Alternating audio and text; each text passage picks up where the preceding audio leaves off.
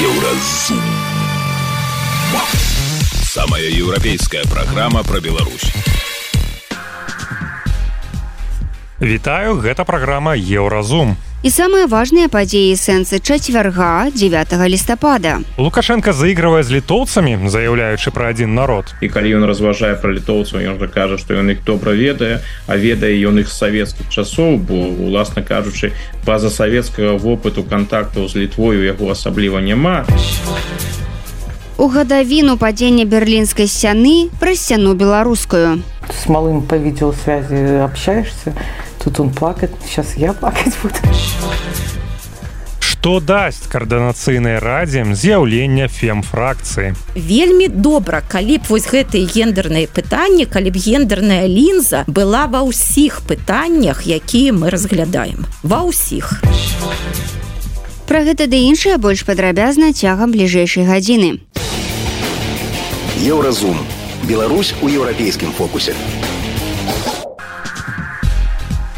На днях Лукашенко выказаў упэўненасць ва ўзнаўленні стасункаў з літвой і Польшчай. Маўляў, суседзі ад Бога і іх не выбіраюць. Яны не могуць жыць паміж сабой кепска, таму нікуды не падзенуцца. Прыйдзе час, будзе ўсё як раней. А яшчэ Лукашенко сказаў, што літоўцы і беларусы адзін народ. Потым праўда, вырашыў, што літоўцы ўсё ж своеасаблівыя людзі і не беларусы, бо па беларусах крыху патапталіся габрэі. Што гэта? Спроба Лукашэнкі заігрываць не толькі з Польшай, але і з літвой. Папулізм у разліку на даверлівых грамадзян літвы, маўляў, беларускі рэжым зусім не такі, якім яго малююць літоўскія палітыкі. Пра ўсё гэта запыталіся ў гісторыка і палітычнага аглядальніка Александра Фрыдмана. Ну я пачаў бы з таго, што ўся гэтая рыторыка Лукашэнкі яна какая ўжо досыць тыповая і вельмі ўжо савецкая нават у савецкай часы ж падкрэслівалі простыя амерыканцы альбо простыя заходнія немцы але простыя французы гэта добрыя людзі з якімі мы маглі б размаўляць супрацоўнічаць і іншае а ёй ле ёсць дрэнныя эліты дрэнныя капіталісты дрэнныя кіраўнікі. Ну вось гэтым же гэтай же рыторыкай карыстаецца сёння лукашенко у адносінах да заходніх краінаў і ў прыватнасці да суседзяў. Таму яго ёсць добрыя літоўцы і калі ён разважае пра літоўцаў ён жа кажа што ён іх добра ведае а ведае ён іх савецкіх часоў бо уласна кажучы па-за савецкага вопыту кантактаў з літвою яго асабліва няма Вось ён ж гэта ўвогуле такі беларускі феномен беларускага дзяржаўнага кіраўніцтва яны суседзяў амаль не ведаюць бо яны туды не ездзяць і яны з імі не супрацоўнічаюць актыўна. Так что ён карыстаецца гэтымі савецкімі формуламі і вось яно і пайшло. З аднаго боку дрэнная літоўская ўлада а з другога боку простыя літоўцы. Ну тут э, вельмі супярэчлівыя былі выказванні напэўна лукашэнкаўская прэс-служба на гэтую супярэчлівасць ужо ніякай увагі не звяртае Ну так яна публікуе ўсё ўсё як вот э, выходзіць значится са светача да так это ўсё у эфіры трапляе Таму менавіта яны ж яны ж працуюць павінны былі працаваць неяк з гэтым тэкстам Ну і выходзяць рэчы якія ну абсалютна незразумелыя там у гэтай апошняй часткі гэтага відео відео дзе ён пачынае казаць про то что ўсё ж таки літоўцы яны як бы добрыя але яны не беларусы і пачынае тлумачыць чаму не беларусы ён раптам пераходзіць да яўрэю і там ідуць рэчы якія ну зразумець просто немагчыма там выкарыстоўваюцца такія фармулёўкі что там у літве гэтага не было а у Беларусі нібыта там яўрэі потапталіся на беларусах Ну э, зразумець что ён меў на увазе вельмі цяжка. Тут вялікая прастора да да інтэрпрэтацыі альбо ён меў на увазе что адносіны у беларусаў былі лепшыя з яўрэямі альбо нешта іншае. Ну гэтае пытанне оставим адкрытым. Напэўна толькі лукашенко і можа адказаць на яго что ён насамрэч меў на увазе. Я думаю калі шчыра что і ён асабліва ты не можа але что тут важно гэта спроба беларускіх уладаў вось зрабіць зрабіць гэтую картинку для ўнутранай прапаганды для ўнутранай аўдыторыі гэта тое что існуюць добрыя літоўцы і дрэнныя літоўцы. Добрыя палякі і дрэнныя палякі. І вось добрыя палякі яны то конечно за нас за нас. Яны то все разумеюць. Дакладней тыя палякі якія ўсё разумеюць гэта і ёсць добрыя палякі. Так, А так. тыя палякі яны якраз дрэнныя тому что яны нічога не разумеюць і вось значится раздзімаюць нейкую на пустым месцы ці там з нейкіх палітычных маціваў ці па указцы сваіх канешне ж гаспадароў з там Брусселю Лондону і Вашынгтона дзе там яшчэ англасаксы гэтыя заселі. Нянавість да беларусаў. Вось что трэба разумець гэта мне здаецца сапраўды важна гэта мне падаецца сапраўды такі галоўны галоўны лукашэнкаўскі месседж. Ну, я б не сказаў што ён толькі вось так ужо арыентаваны на унутры беларускую аўдыторыю. Гэта менавіта тое што ён імкнецца і распаўсюдзіць сярод тых людзей якія жывуць за межамі Беларусі у якіх няма пэўных уяўленняў якія дакладна не ведаюць не арыентуюцца ў сітуацыі. То бок той факт что беларуская дзяржаўная прапаганда пачала выкарыстоўваць у сваёй працы замежныя мовы там больш актыўна выкарыстоўваць не толькі там англійскую нямецкую французскую что яны рабілі раней яны нават робяць зараз нейкія рэчы на польскай мове. То бок яны там інтэрв'ю лукашэнкі перакладаюць на польскую мову. Альбо нейкія прапагандысцкія фільмы яны перакладаюць на польскую мову. То бок яны зацікаўлены у тым каб хаця б паспрабаваць дасягнуць і польскую аўдыторыю. Ну напэўна нейкіх нейкія маргінальныя пласты гэтай аўдыторыі яны і дасягаюць але на большае канешне гэтая прапаганда не здатная с майго пункту гледжання Працягваем размову з Александром Фрыдманам. я б тым не менш канешне на месцы польскіх і літоўскіх уладаў звярну на гэту увагу і яшчэ учора трэба было пачынаць думаць як гэтаму супрадзейнічаць Я спадзяюся што ў іх ёсць нейкі план на выпадак таго што вось гэтая беларуская прапаганда якая малюе Беларусь такой краінай а, благословёнай дзе там добрая сельская гаспадарка дзе все класна ну пакуль вы не прыехалі туды не паглядзелі на ўласныя вочы а нават калі паглядзелі ну зойдзеце ў краму. У краме як бы ёсць што набыць там і гэтак далей. Ну заедзеце на заправку да паліва там танней чым у Еўропе да? І вось гэтыя літоўцы і палякі таким чынам апрацаваныя яны з часам могуць мне здаецца вось вы кажаце маргінальныя да? Але ў пэўных рэгіёнах там на падляшы у прымежных з беларусі і літвы да рэгіёнах яны могуць стварыць мне здаецца ну нейкую такую палітычную сілу якая будзе галасаваць ізноў ж за нейкіх правых папулістаў да там якія будуць разыгрываць беларускую карту не так як і разыгрываюць дзеючыя ўлады ці там нейкі больш свядомыя пра дэмакратычныя пра еўрапейскія палітыкі Ну тэарэтычна гэта магчыма але я думаю что вось лукашенко у гэтым сэнсе у сур'ёз як прапаганд як інстру рэжым рыклашэнкі як э, крыніцу прапаганды і такую ну сур'ёзную крыніцу прапаганды мне падаецца у вільнюсе у рызе і у варшаве не ўспрымаюць бо па-першае гэтая прапаганда яна не адрозніваецца якасцю яна сапраўды там якасць яе вельмі вельмі дрэнна яе магчымасці нейкім чынам паўплываць на людзей но яны невялікія і нейкіх палітычных сілаў якія маглі б гэтым скарыстацца э, няма. Ну іншая справа канешне што сённяшняя беларуская дзяржаўная прапаганда шмат у чым з'яўляецца філіялам расійскай прапаганды. І вось гэту і напэўна яе разглядаюць у варшаве у іншых сталіцах як частку расійскай прапаганды. Ну супраць гэтай расійскай прапаганды і ідзе адпаведная ідзе адпаведная барацьба. Што ж тычыцца ўплыву ну зусім канкрэтнага мы не павінна забывацца што хапае людзей якіх няма нейкіх палітычных матывацый альбо нейкіх канкрэтных палітычных ідэяў. Калі яны ведаюць что напрыклад у Беларусі ну можна атрымаць паліва больш танна альбо дабыць нешта больш па, па лепшым по лепшым коштам ты гэтыя людзі могуць сапраўды яны могуць паехаць і яны едуць у Беларусі гэта набываюць. І тут нельга тут так разважаць что гэтыя людзі вось яны апрацаваныя лукашэнкаўскай прапагандай альбо ім падабаецца лукашенко. Нет тут абсалютны прагматызм.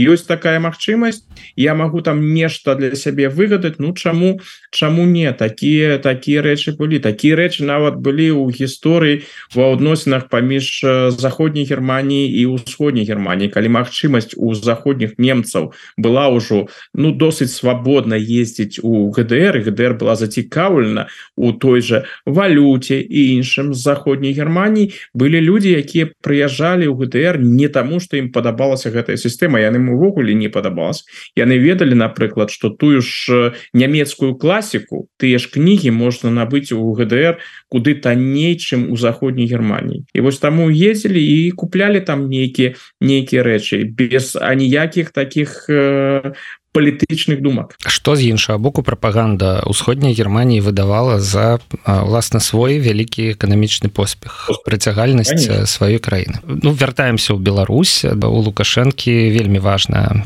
сустрэча. Чарговым расійскім губернатарам на гэты раз губернатарам ставропольскага краю прагучала цікавая таксама сцвярджэнне замацавацца на поўдні расійскай федэрацыі. Як думаеце калі ўжо расіянам надакучыць вось гэта жаданне якое выказваецца кожны раз раз за разам да? Ну я ў гэтым бачу чарговая грошай грошай грошай давайте яшчэ грошай да? Давайте вот яшчэ мы без вас значится не пражывем. Да? ну яны ж разумеюць что гэта ўсё гэта так ці інакш гэта датацыі у бок беларускай эканомікі. І что вось яны будуць прыязджаць і з задаволенымі тварамі да? Ну я думаю их прымаюць там добра ў мінску канешне. Але яны будуць прыязджаць і ківаць так і гэта будзе працягвацца да бясконцасці Ну думаю что пэўны час яшчэ будзе но яны такія правілы гульні і лукашенко выкарыстоўвае сітуацыю. Ён вельмі добра гуляе на расійскіх эмоцыях. Ён ведае что расіянам вось гэтая падтрымка патрэбна что вось ім трэба адчуваць что вось яны не адні там что на постсавецкай прасторы захавалася яшчэ одна краіна якая полностью падтрымлівае Россию стаіць на расійскім баку і дзе яны себе адчуваюць павольна і утульна і вось гэтае адчуванне ідзе от лукашэнкі Ну а лукашенко як мы ведаем гэта той чалавек які просто так нічога не робіць калі ён Россию падтрымлівае і робіць дарэчы у прынцыпе ўсё что на пачатку войны да і да сёння сённяшняго дня ўсё что Россия ад яго патрабавала ён відавочна рабіў Ну і за тое что ён гэта зрабіў ён чакае от э, расіянаў э, нечага у адказ. Таму яго логіка вельмі зразумелая. А Россия сёння ў такім становішчы что гэта важный саюзнік. Пазбавіцца гэтага саюзніка цяжка. І у геапалітычным сэнсе гэта вельмі важная краіна. Беларусь сёння для России для Москвы вельмі патрэбна каб у Беларусі знаходзіўся ва ўладзе пара расійскі рэжым каб не было там нейкіх знешнепалітычных і іншых турбуленцыі каб усе былі задаволены. І таму мне падаецца яны і далей будуць э, лукашенко фінансаваць.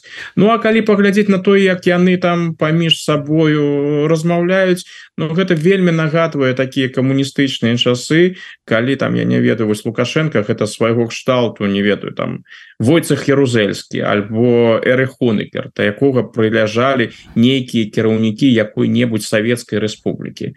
Вось ведалі так гэта наш чалавек гэта наш сатэліт але ён усё ж таки прэзідэнт як-нікак я толькі кіраўнік рэспублікі а ён усё ж таки прэзідэнт дзяржавы Ну вось яны і паводзіць сябе з лукашэнкам адпаведным чынам с вялікай павагай. Вось я для іх это пэўнае падняццё на новый на новы ўзровень. Яны ж усё ж таки расійскія губернатары яны не сустракаюцца с кіраўнікамі дзяржаваў. А тут их запрашае лукашенко і размаўляе з імі ну амаль назовем гэта так на роўных. Ім гэта падабаецца таму і паводзіць яны сябе адпаведна. Ну а як себе паводзіць в таких сітуацыях яны навучаны Гэта быў гісторык і палітычны аглядальнік Александр Фридман, які патлумачыў, навошта расійскія губернатары прыязджаюць у Беларусь і распавёў, чаму Лукашенко пачаў заігрываць з літоўцамі. Еўрарадыё кропка FM. Далей у праграме Еўразум. У гадавіну падзення берлінскай сцяны праз сцяну беларускую. С малым по видеосвязи общаешься, тут он плакать, сейчас я плакать буду. Што дасць каардынацыйнай радзе з'яўлення фэм-фракцыі. Вельмі добра, калі б вось гэтыя гендерныя пытанні, калі б гендерная лінза была ва ўсіх пытаннях, якія мы разглядаем. Ва ўсіх сустрэнемся пасля навінаў спорту. Еўразум. Беларусь у еўрапейскім фокусе.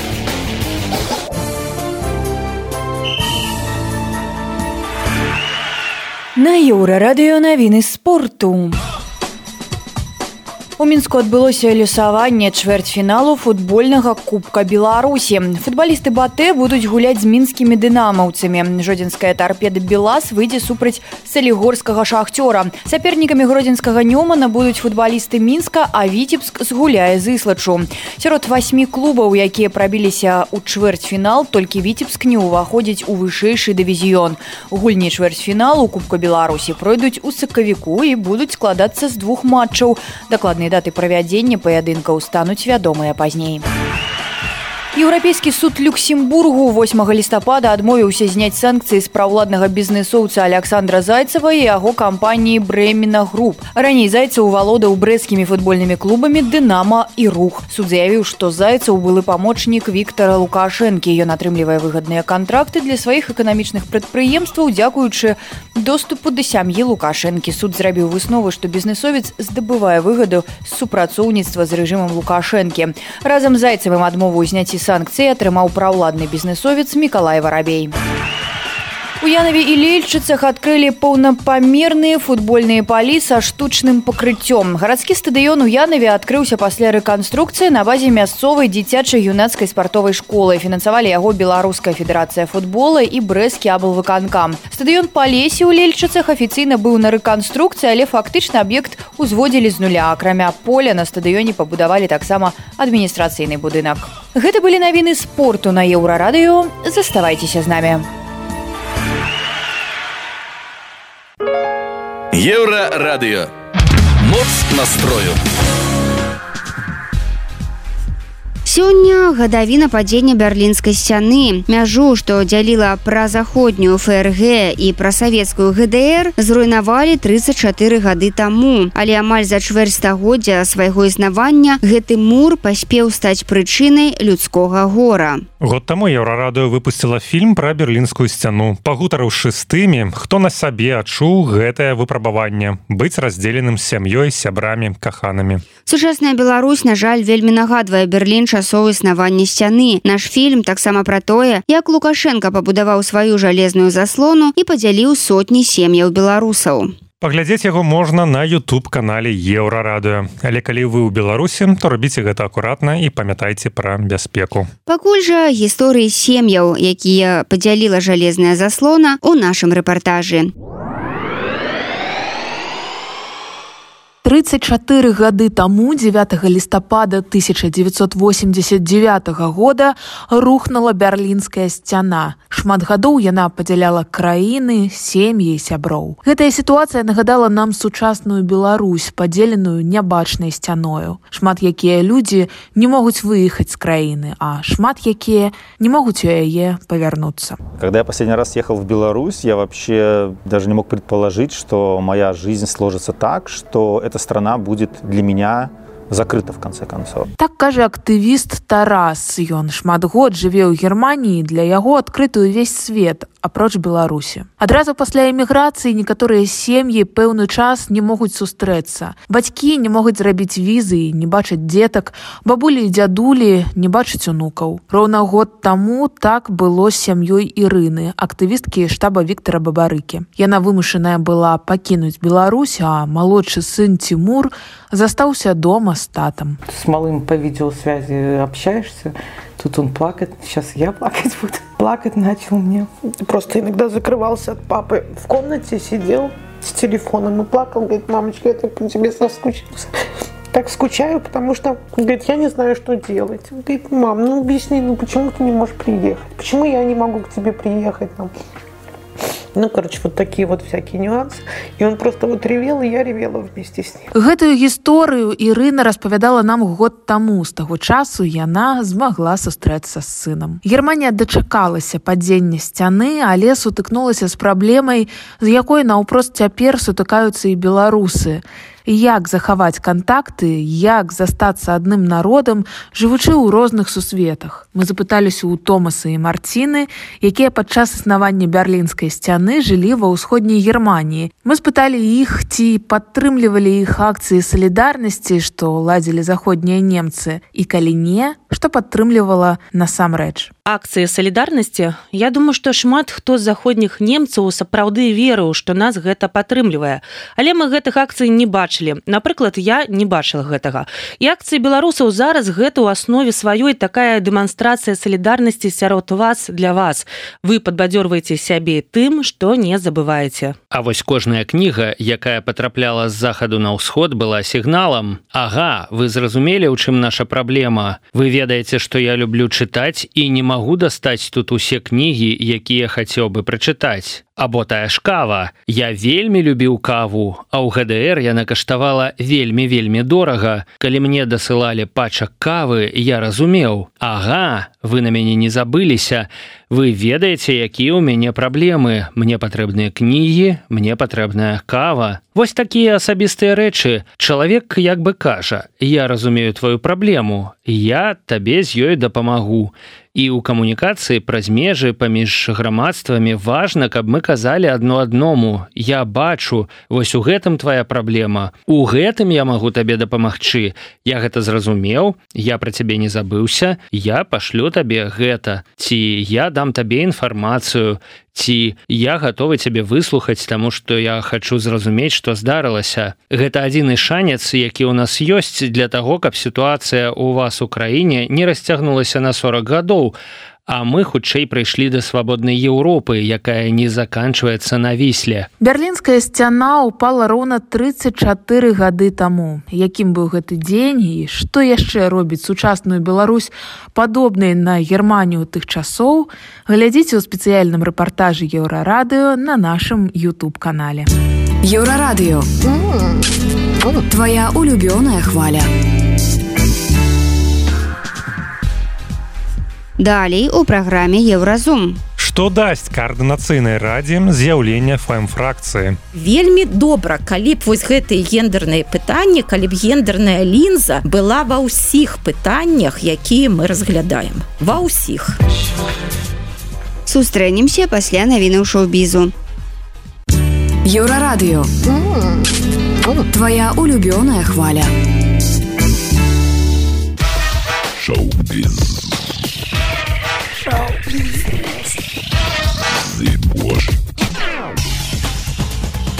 Вітаю, гэта навіны шоу-бізу.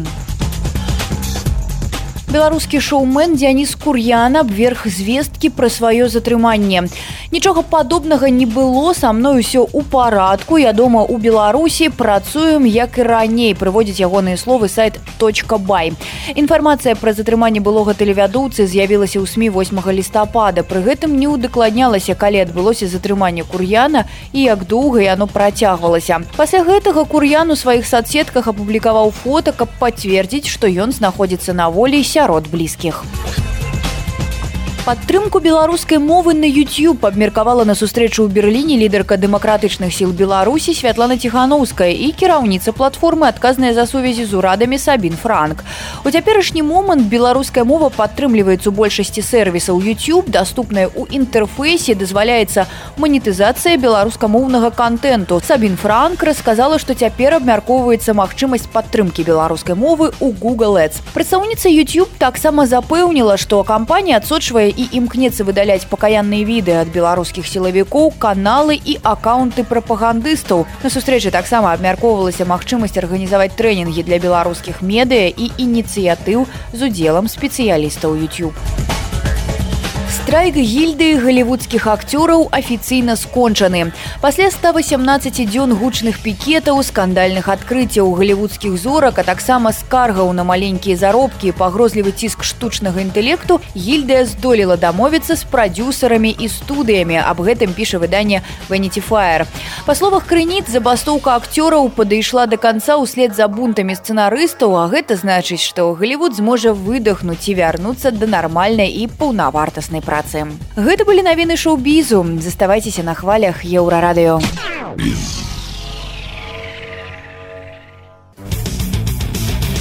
Еўразум жыві ў рытме Еўропы.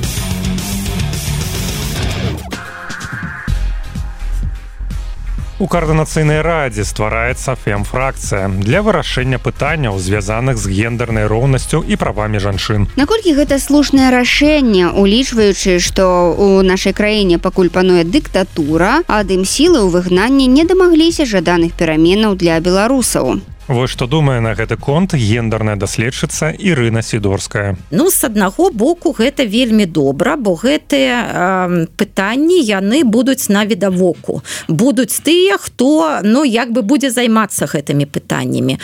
Але з іншага боку вось тут ёсць такая ну вось такая на мой погляд нават пастка, што тады ўсе іншыя скажуць Ну як вось у нас там ёсць некалькі чалавек, яны там гендерам займаюцца, так што у нас гендерам усё добра а мы ўжо А вось мы ўжо можам гендерам не займацца бо у нас ёсць спецыяльныя людзі і мы можемм займацца сапраўднымі праблемамі вось тымі якія павінны вырашаць парламентарыі.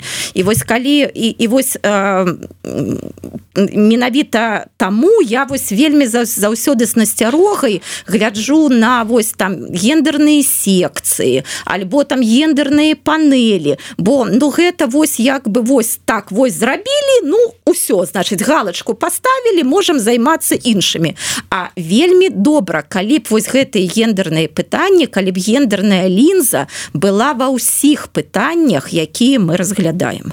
Ва ўсіх. То бок гендерная фракцыя фем фракцыя можа згуляць дрэнную службу тому что гэта будзе такая резервацыя ну так. для значится вот всіх гэтых пытанняў якая будзе сама... распораз іх уздымаць ім так. нешта будуць там адказваць на іх яна вось таксама будзе для справаздач ну глядзіце вось канешне мы ж як бы зацікаўлены у нас гэта ўсё ёсць але ну вось вельмі ну гэтая пастка яна ж не аўтаматычная. Вельмі патрэбна что тыя людзі якія будуць у яе ўваходзіць каб яны ну заўсёды выходзілі праз межы гэтай фракцыі і каб данасілі і пазіцыю фракцыі вось да іншых парламентарыў і каб вось усе пытанні разглядалі менавіта праз гэтую самую гендерную лінзу.